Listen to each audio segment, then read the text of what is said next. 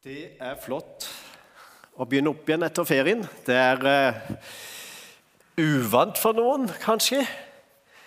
Uh, noen har uh, arbeida en stund eller vært i sving en stund. og Noen har kanskje akkurat kommet tilbake fra reise. ikke vet jeg.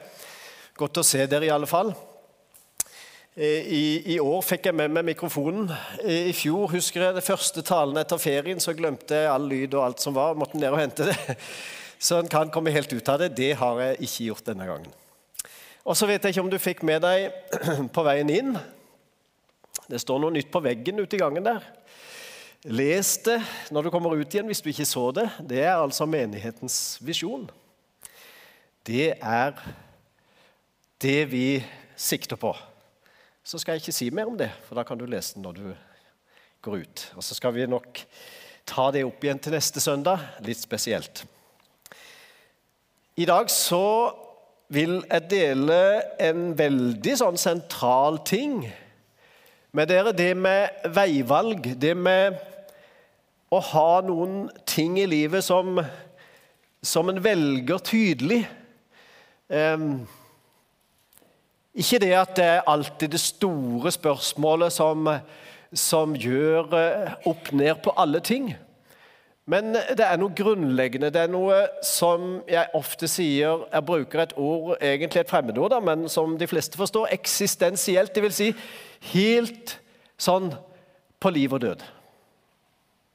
Det hender at når jeg var på eh, tur i Afrika så, og kom hjem til Norge, så opplevde jeg at der gikk jeg dag for dag helt sånn eksistensielle ting. Det vil si, det handla om liv og død hele tida. Enten det var sykdom, eller det var katastrofer en annen slag, enten det var politisk uro, det var våpen, det var borgerkrig, det var ebolasmitte Det var altså mye mer enn korona her. Og Da kjente jeg på dette Her handler det hele tida liksom om liv og død. Og Så kom jeg hjem til Norge og så slo opp eh, nyhetene, og så står det vi streiker hvis vi ikke vil få mer enn én krone mer enn timen. Og Da pusta jeg tungt og tenkte her snakker vi ikke stort om det eksistensielle. Den krona kan jeg la være veldig godt. Hvis den har styr på det eksistensielle, de store valgene i livet, de som får konsekvenser på liv og død. Og Det er litt det radikale som jeg skal snakke om. Og det er en radikal tekst, altså. bare forbered deg på det eh, fra Romerbrevet 8. Det er Paulus som skriver det, men la oss, eh, la oss lese den. Det er Romerbrevet 8, vers 5 og 6. Og Der står det sånn De som lever slik kjøttet vil, er bare opptatt av det som hører menneskers til. Men de som lever slik ånden vil, er opptatt av det som hører ånden til. For kjøttet, det kjøttet vil, er død, men det ånden vil, er liv og fred. Og så vil jeg si at Paulus er ekspert på å male kontrastene.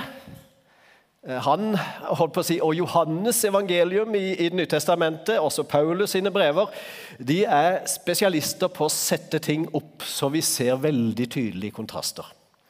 Og Det er noe med det at eh, av og til så må vi få kontrastene fram for å se den tydelige forskjellen. Jeg tror at det å ha et fokus i livet er viktig. Det å kunne se tydelig er viktig, altså. Når jeg var ung, så kjøpte jeg mitt første speilreflekskamera på 70-tallet. Og Det var stort. Jeg hadde spart i lang tid og gikk ned til, eh, til den mest kjente fotobutikken i Kristiansand og så kjøpte jeg speilreflekskamera. Det hadde en sånn vanlig linse, og så greide jeg å skaffe meg et brukt linse med en telekonverter. og Nå blir det kanskje litt for teknisk for noen. ikke vet jeg, Kanskje dere kan mye om det, mer enn dette av meg.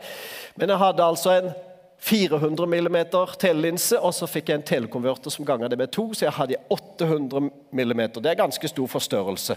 Og så hadde jeg dette speilreflekskameraet. Og På den tida var det ikke noe som het autofokus, og sånn, som zzz, så står det der med en gang. Nei, da måtte du stille inn klarheten og brennvidda sjøl. Og nærme du skulle, og klarheten òg.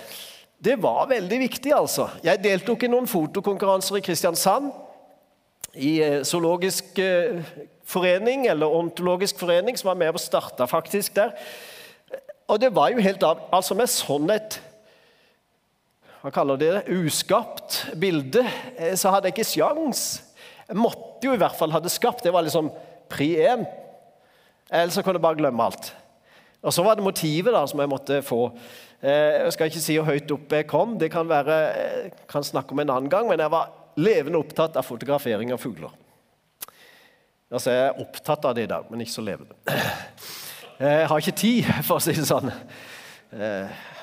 Sidesprang, Jeg er medlem av Lista ornitologisk forening, altså, så jeg prøver det når jeg kan. Men det kommer liksom litt ned på stigen. Men fokus, det er viktig. Hvis vi ikke greier å stille inn fokus, så ser vi jo egentlig ikke det vi vil se. Og her handler det om et livsfokus, som er veldig viktig. Noen sier ja, men jeg er bare naturlig. Jeg gjør, som jeg, gjør bare sånn jeg er, og lever sånn som jeg er, og så er det helt naturlig. Ja, jeg vil stille spørsmål ved det som er naturlig. For det er noe godt ved det å være naturlig, for all del. Eh, det hender at eh, kristne, særlig i tidligere tider, absolutt ikke skulle gjøre det som var noe greit og moro og fint. Det skulle liksom være vanskelig og strengt og, og opp med pekefingeren og sånn. Det blir unaturlig. Absolutt. På alle måter, tenker jeg. Men hvis vi drar det til den andre sida, hvis vi sier at alt er naturlig, alt er greit, vi er bare sånn vi er og gjør det vi vil da stiller jeg spørsmål er det virkelig bra. Er det virkelig sånn som vi trenger å være mot hverandre og mot Gud? Jeg tror faktisk at noe av det naturlige kan dra oss feil vei. Hva var det det sto i teksten? Jo, det var noe med at eh, det som, eh, det som bare skjer av der vi er, og velger det, det kan dra oss i feil retning hvis det ikke er Ånden som får være med å inspirere. Noe har, noen har sagt alle mennesker er gode på bunnen. Ja, er vi det? Dere vet hva bunnfall er. Når noe får tid til å synke ned av det som egentlig lever fritt, altså får det synker helt til bunnen. Og når det er sunket til bunnen, så ser vi egentlig hva som fins på bunnen. Det er ikke alltid det er bra, altså. Det er ikke alltid det er bra. Bunnfall det kvitter vi oss helst med hvis vi kan. Så det er ikke alltid mennesker er godt på bunnen. Vi trenger hjelp, tror jeg. Og ikke bare tror, jeg er så overbevist om at vi trenger hjelp. Hvor retter vi så vår oppmerksomhet? Hvor er vårt fokus? Hvor er vårt eh, hva vil jeg si, brennpunkt? da? Hva er det vi lytter etter? Hva er det vi stiller oss inn på? Tilbake til eh, Lista ornitologiske forening. Jeg vet ikke om du er interessert i noe fugleliv i det hele tatt. Men la meg ta denne her. Jeg var med på noe som vi kalte Hver vår. Så gikk vi ut på Listastrendene og våtmarkene, og så skulle vi ha vadefugltelling. Og det var jo mørkt, så jeg tenkte all verden, her ser vi jo ikke Nei, men vi skulle bare lytte. Og Da fulgte jeg eh, sånn to steg bak spesialisten. og Jeg hadde ikke sjans i begynnelsen, i hvert fall, men da var de liksom Oi. Og to av den arten der, og tre av den arten der, og fire der, og en der. Og de kunne liksom ta det helt. Men de måtte liksom isolere lyden. De måtte få inn i brennpunkt. Nå er det mange mennesker og mange hus i Lyngdal har på veggen jo en parabolantenne. Hvorfor det? Jo, for en fanger inn et signal som en vil gjerne ha ut på TV-en. Et brennpunkt. Vi må ha noe som samler signalene, noe som går inn i sentrum. Og hvis vi tar et forstørrelsesglass og samler alle lysstrålene i et brennpunkt, så blir det veldig varmt. Det blir en veldig kraft. Og når lyset samles ett lite punkt, da kan det ta fyr før vi aner det. Mange skogbranner er starta ved at det ligger knust glass rundt omkring. Og det blir en linse som samler lyset, og så starter faktisk en brann uten at noen har tenkt på det. Det er noe med hvor har vi vår oppmerksomhet? Hvor retter vi den inn? For det gjør vi Noe i hvert menneske søker Gud, sier eh, forkynneren eller eh, i Det gamle testamentet, en liten bok som heter det. Eh, det er noe i hvert menneske, noe som evigheten er på en måte lagt ned. Det er noe, et kontaktpunkt som Gud har i hvert menneske, som kan tune inn hans kanal, som er mulig å nå mennesket med. Og Jeg tror at vi trenger å live opp det igjen. Da endres ofte dimensjoner. En ny retning, nye dimensjoner, ja, det tar av og til tid å velge. Um, og Jeg har lest mye om hvordan får vi en ny vane. Jo, da må vi holde på med en ting så og så lenge, og så etter hvert så går det liksom inn i blodet. Og Da skal vi holde på en stund, altså. Noen sier 21 dager. Jeg tror det er altfor lite. Eh, krampaktig 21 dager, og så 22. dagen så var du tilbake i samme spor. altså. Så jeg tror vi må holde på en stund hvis vi skal vende en dårlig vane til en god vane, f.eks. Men vi, i hvert fall så må vi gjøre et valg, og noen valg. Og vi gjør valg hele tiden. Jeg vet helt sikkert én ting. Gud har aldri tvunget meg til noe som helst. Den hellige ånd har aldri liksom holdt meg fast så jeg ikke kunne gjøre noe annet. Han har latt meg velge uansett. Og Jeg tror derfor at det er hvordan Den hellige ånd arbeider med oss mennesker. Kanskje du ikke tenker på Den hellige ånd i det hele tatt, nei vel, men du kan være sikker på at Gud tenker på deg. For han har skapt deg, og han vil deg det beste. Og jeg tror at han lar også deg absolutt velge helt fritt om du vil følge hans vei eller ikke. Det er et, eh, et skriftsted i Bibelen som jeg måtte bare ta fram fra Efeserbrevet 3.18. Der står det må dere sammen med alle de hellige bli i stand til å faste bredden og lengden og høyden og dybden. Hva er det? Jo, det er virkelig tredimensjonalt eh, eh bilde tredimensjonal virkelighet. Ja, kjenne hele Kristi kjærlighet, som overgår all kunnskap, må dere bli fylt av hele Guds fylde. Skal vi ha Kristi kjærlighet, hele Guds fylde, så må vi inn i noe av det tredimensjonale. Det vil si det som ser inn i dybder og høyder og bredder og lengder. Der vi ser at det er noe mer enn et flatt bilde. Og det er Den hellige ånd som kan gjøre, og bare Den hellige ånd som kan gi oss et slikt bilde av Gud, eller, eller holdt på å si, å føre Guds virkelighet inn i oss på den måten. La meg ta fram tre ting som jeg mener at Den hellige ånd gjør for deg og meg når vi åpner for Han. Eh, la oss ta det første skriftstedet. Der føres vi i en retning fra løgn til sannhet. Her står det 'sannhetens ånd', som verden ikke kan ta imot, for verden ser han ikke og kjenner han ikke. Men dere kjenner han, for han blir hos dere og skal være i dere. Sannhetens ånd, ja. Da skrelles det løgnaktige bort.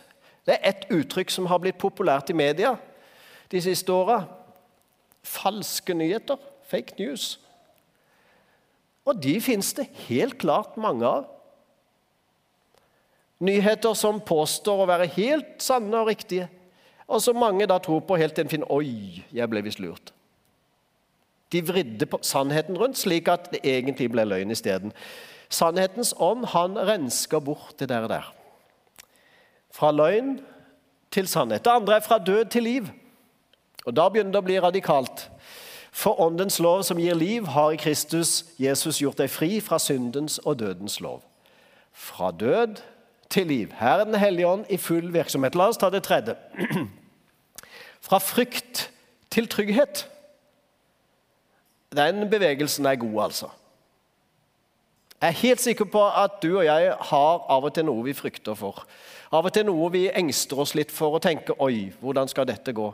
Og så griper det litt tak i oss til vi finner en ro. Dere har ikke fått den ånden som slavene har, så dere igjen skulle være redde. Nei, dere har fått ånden som gir dere rett til å være Guds barn, den som gjør at vi roper 'Abba, far', kjære pappa. Ja, Fra frykt til trygghet.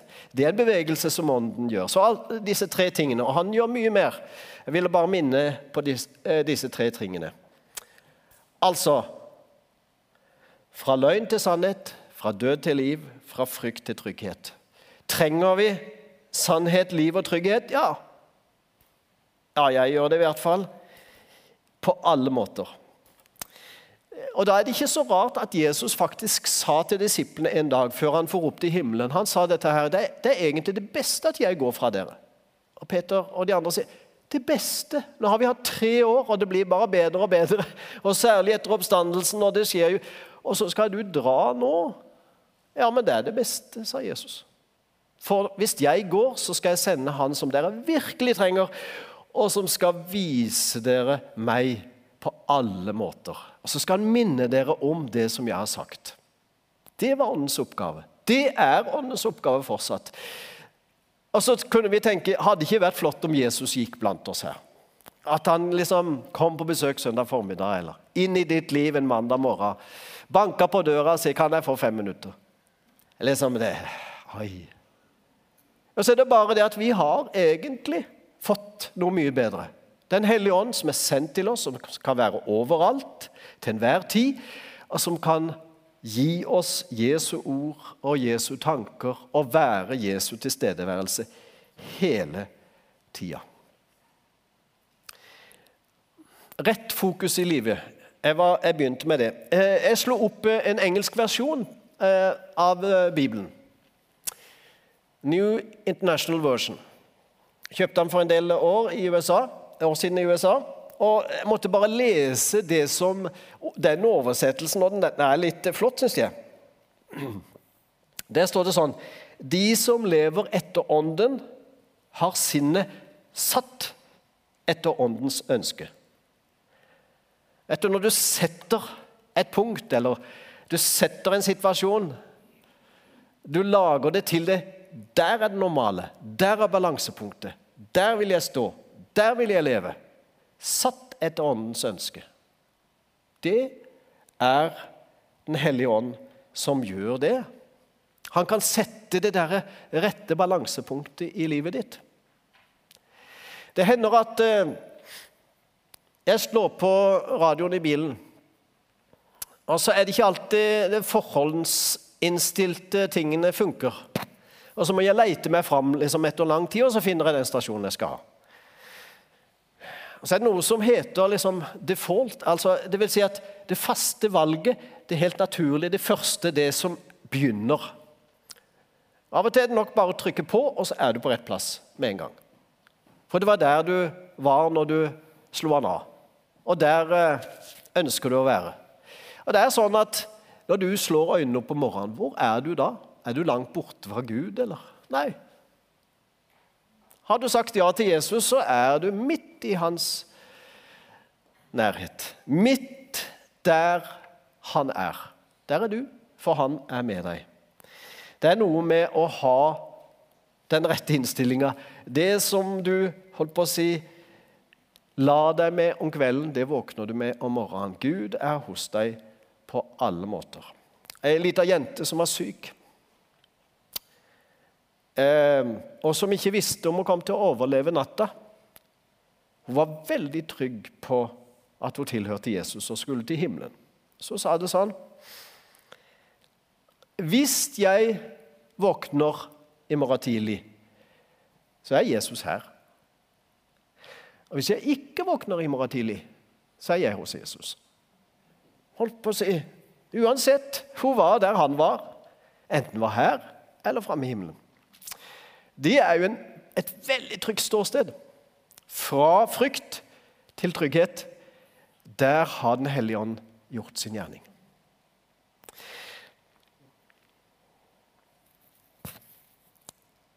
Alt kan ikke være viktig i livet, for da blir alt uviktig. Alt kan ikke være grått i livet. Det er noe som må være veldig tydelig. I Matteus 8, 33 der står det sånn Søk først Guds rike og hans rettferdighet, så skal dere få alt det andre i tillegg. På en måte, Det føyer seg inn etter det første gode valget. Så er det ikke sånn hvis vi har valgt han, så er det slutt med alt annet. Nei, Det er det vel ikke? Det er ikke slutt med det gode livet. Men det føyer seg inn i rekka etter det første og viktigste valget. Søk Guds rettferdighet først. Så skal også de andre tingene komme på plass etter hvert. Jeg vil gjøre som Paulus, og så vil jeg sette noe opp mot hverandre. Noen kontraster. Jeg vil si at uten Den hellige ånd, og så vil jeg male noen få bilder.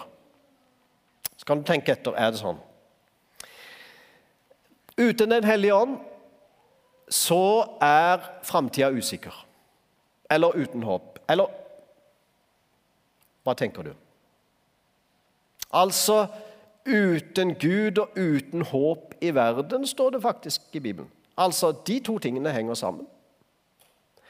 Det håpløse har forbindelse med en ikke-relasjon til Gud.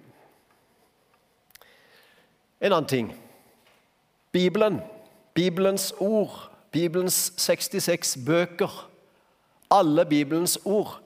Hvordan er de? Jo, uten Hellig ånd så blir de en samling av 66 bøker som andre bøker. Det blir tørt, det kan bli gode historier i det beste fall, eller det kan bli kloke utsagn av noen vise menn kanskje, som sa noe en gang i tida. Men det blir ikke mer enn det. Og Derfor sier noen jeg får aldri noe ut av Bibelen. Altså, det, det er ingen Bibelen, hva er det for noe? Det var vel noe, bare noen påfunn. Ja, det kan vi tenke. Og slik kan vi føle hvis vi ikke har med Den hellige ånd å gjøre. La oss ta menigheten, da. Kirka. Menigheten. Hvordan er den uten Hellig ånd? Jo, da er vi bare en, i beste fall en helt grei organisasjon. Helt grei forening. Samling av kjente og ukjente som møtes til visse tidspunkter. Det er jo ikke noe mer enn det. Det er ikke noe annet enn idrettslaget eller Røde Kors eller hvilken som helst annen ideell forening blir vi, blir vi, vi blir ikke noe mer enn det uten Den hellige ånd.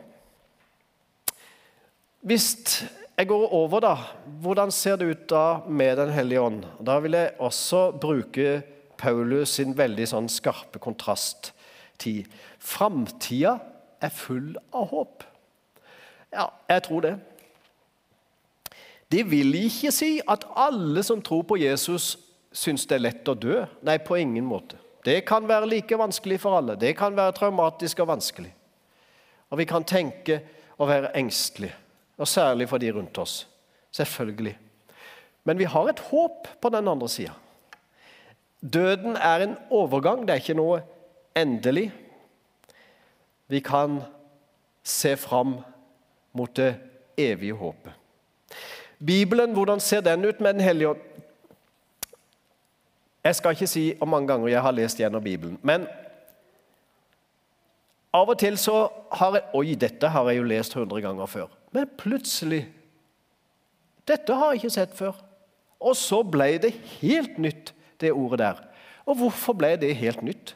Var det bare en ny menneskelig tanke? Nei, jeg tror ikke det.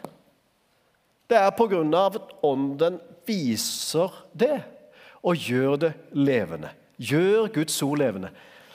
Han skal ta av mitt og minne dere på det, eller forkynne for dere, sa Jesus når han skulle sende Den hellige ånd til oss. Det vil si at Han skulle ta av Jesu ord og så gi det på nytt til oss på en levende og god måte. Ikke bare som en gammel historie, men som levende nyheter. Så med Den hellige ånd så kan du lese Bibelen med frimodighet og oppdage stadig nye ting. Det hender Jeg skal ikke røpe alt hva jeg og hovedpastor Jim snakker om bak lukkede dører, for vi snakker om hele livet. Men vi har noen gode samtaler. Når vi sitter på kontoret en formiddag kanskje her, så har vi av og til noen dype samtaler. og vi, vi deler et ord, og så plutselig så er det noe Selv om vi hver for oss har lest det hundrevis av ganger, så Oi! Det har vi ikke tenkt på før. Sånn har vi ikke sett det. Sånn har vi ikke forstått det. Og så må vi bare takke Gud sammen.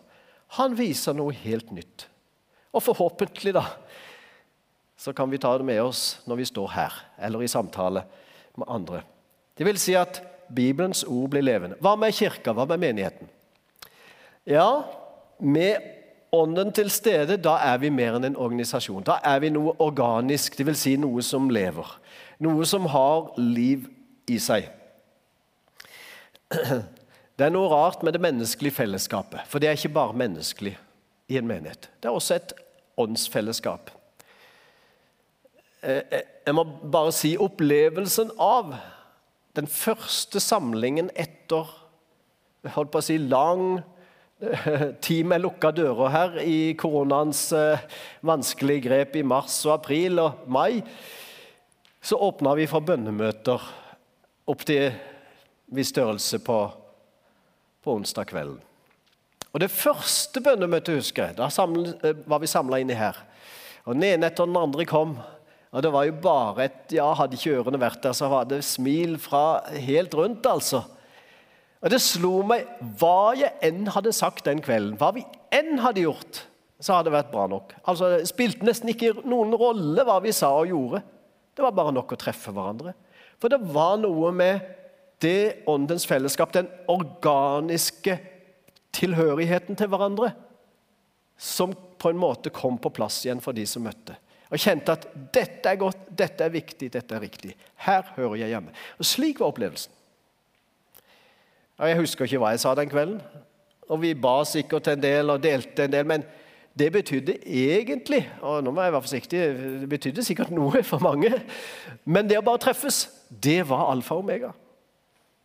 Altså, det kan jo være fint å treffe en vennegjeng òg, etter å ha ikke sett hverandre på lang tid, men det å treffe som menighet etter langt fravær, det er noe helt, helt eget. Jeg husker i min tid i Afrika så så handla det om prekener på fransk og lingala og kiteke.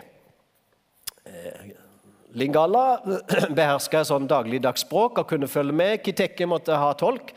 Og fransk det brukte jeg sjøl for å bli tolka en eller to ganger. Og det gikk sånn uten eh, Altså, det var, ingen, var ikke noe annet å høre og være med på.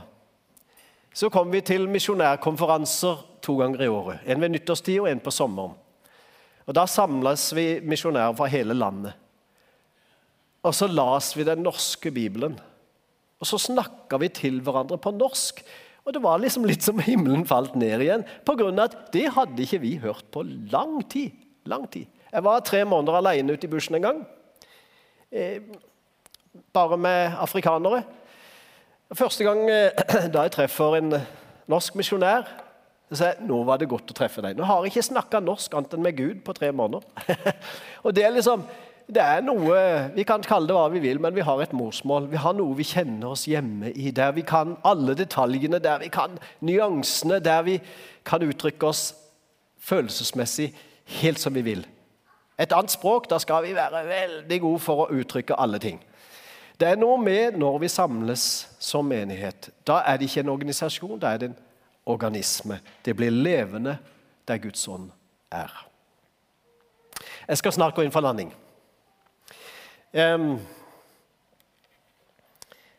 det Ånden vil, er liv og fred, leste jeg i begynnelsen. Det er et valg, altså. Ditt og mitt valg.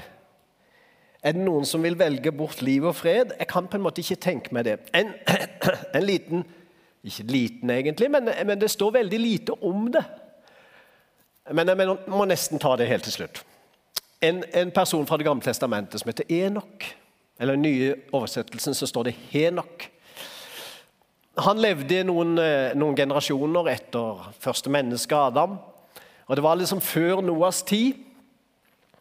Og Ut i eh, generasjonene der så står det ved et eh, tidspunkt der da skjedde det så mye rart og vondt at de begynte å oppsøke Gud igjen, står det. Og Så ble Henok født, da. Og så levde, vet du, De levde en stund lenger enn oss. da. Eh, jeg vet ikke hvordan det hadde sett ut om vi hadde levd noen hundre år.